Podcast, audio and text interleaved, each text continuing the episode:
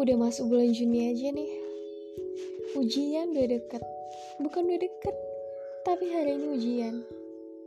Kenapa ya namanya manusia kalau sudah dihadapkan dengan ujian, yang pertama terpikirkan adalah stresnya dulu.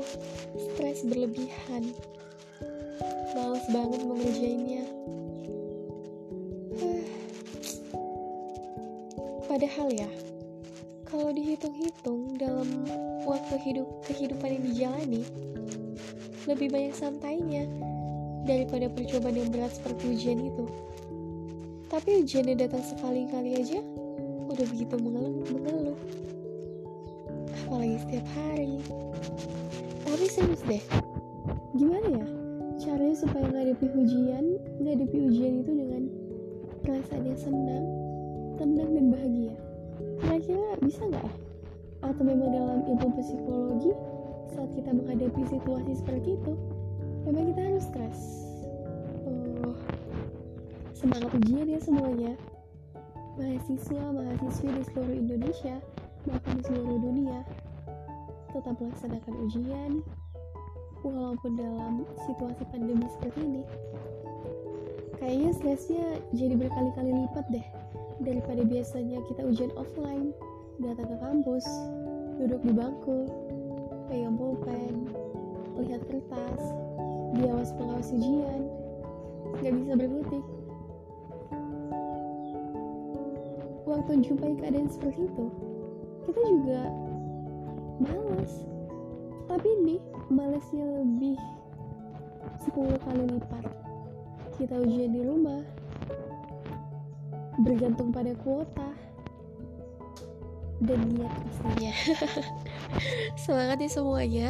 Semoga semester ini terlalui dengan baik dan ada hikmah besar yang bisa kita ambil yaitu mengenai mencintai diri sendiri, menjadi diri sendiri, dan mengembangkan potensi yang dimiliki oleh diri sendiri. Sadar gak sih kita, sebenarnya dalam situasi pandemi itu menguntungkan untuk diri setiap orang, terutama bagi anak mudanya. Karena pada masa itu, setiap kita yang paling berkuasa terhadap diri kita sendiri. Artinya kita bebas melakukan hobi yang sesuai kita inginkan. Kalau biasanya pada kehidupan-kehidupan atau hari-hari sebelumnya, misalnya kita kuliah di jurusan yang gak kita suka, kita belajar pelajaran yang kurang kita suka. Tapi masa di rumah ini aja, di situasi pandemi seperti ini, kita yang berkuasa mengontrol diri kita sendiri.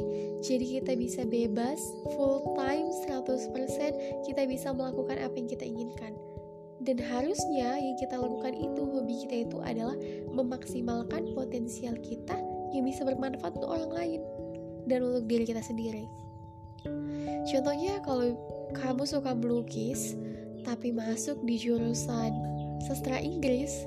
Nah di situasi pandemi seperti ini bisa kan? Iya bisa memaksimalkan waktu untuk buat lettering, kaligrafi, wah pasti selama kita di rumah aja karantina ini sekitar tiga bulan ya udahan. Bakat itu seharusnya makin terasa dan kita bisa menjadi orang yang di atas rata-rata ya sedih banget sebenarnya kalau nggak bisa memanfaatkan masa-masa seperti ini tapi ada pepatah lama yang mengatakan katanya tidak ada kata terlambat jadi setelah ini pasti kita bisa gercep lagi bisa lakukan lagi hal-hal yang bisa memaksimalkan potensial kita. Yang penting, jangan terus menunda-nunda lagi. Yang terpenting, jangan sangat santuy. Oke, okay, thank you. Sampai bertemu di ujian selanjutnya.